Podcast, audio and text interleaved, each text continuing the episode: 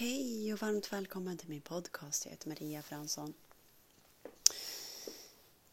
Jag ska bara landa in här och landa in nu. Mycket för mig eh, för mig tillbaka hur jag känner mig i skolan och det har jag gjort för länge sedan eh, podcast om. Och eh, ja, det var...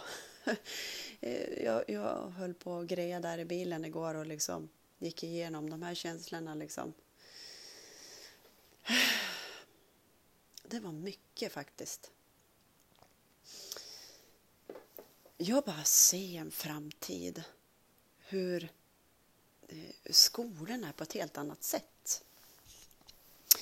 Eh, att man får, alltså jag tänkte så här, men gud, äpple, peppel, päron, vad ska jag veta det här för? Det är jättemånga som har sagt samma sak som jobbar med att hjälpa folk. Liksom, jag kände mig som ett ufo i skolan och så vidare. Jag vet inte, men, men jag hade mycket känslor. Liksom, bara, jag satt mycket så här, uh, lite frystillstånd. Eh, men jag ser, jag tror på en helt annan framtid i skolan. Liksom att man kan verkligen låta det här unika barnet bara få få, få vara unik och bara se de unika gåvorna och liksom lyfta, lyfta, lyfta, lyfta. Så, så framtiden tror jag på, wow, fantastiskt. Helt annat sätt. Eh, som det har också sagt förut, att mina skolor, det var liksom att vi, vi fick känna in vad det skulle vara för svar. Och det här med att känna in, lära oss att känna in och lita på att vi har svaren inom oss. Liksom.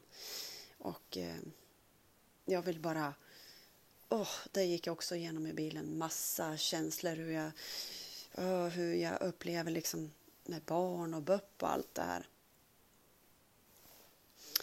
Eh, när man vet det jag vet och att vi kan liksom hjälpa så många fler på andra sätt. Men, men det, det är liksom wow. Det, det är inte så här, utan först tar vi bort dem. Alltså vi känner de känslorna som är eh, om vi knackar bort dem eller vad det nu är. Och sen kan vi göra någonting för dem.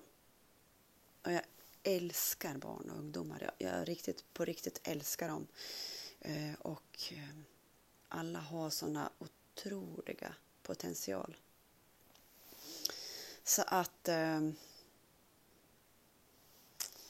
mer åt det hållet. Först är det ju att vi går inåt, inåt, inåt så att vi vet vad vårt nästa steg i vår uppgift här i livet är. Och sen vet vi vår livs, alltså livsuppgift och så kör vi på den. Då, då, då kan vi verkligen hjälpa andra.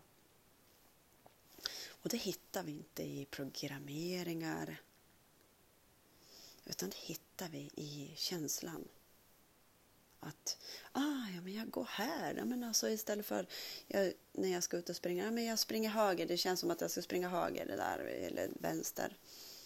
Där hittar vi och, och vi vet. Det är precis också som när vi åker bil och vi kan liksom inte min karl är lite, eller han har varit så i alla fall. Ah, då ska vi åka där och där och liksom hit och där och där. Ah, vi, vi får se, utan vi, vi åker och så sen så ser vi framför oss, eh, om det vill säga att det är mörkt och så har vi lampor och så ser vi en liten bit fram. Ja, men vi, där, vi åker vänster där. Det är lite mera så. Det kan vara läskigt också för de som vill ha kontroll. Och då får vi kolla på kontrollen. Eh, ja... jag... Då kollar vi på kontrollen för att eh, vara lugn och trygg i så mycket stunder som möjligt. Det är ju spännande. Det är ju fantastiskt kul. Men som i alla fall en av pojkarna har flyttat nu ett tag liksom och provat sig fram. Och och vi vet inte. Alltså vi följer flödet. Okej, nu ska han bo där. Eh, vi vet inte. Det är det högre som vet allas bästa. Och då får vi lita på den eh, känslan. Så att eh, det var en liten stund med mig i den här härliga dagen. Det snöar. Och jag har tagit mina, min näring. Så jag känner att jag ska ut och springa snart. ha en fantastisk dag. Kram!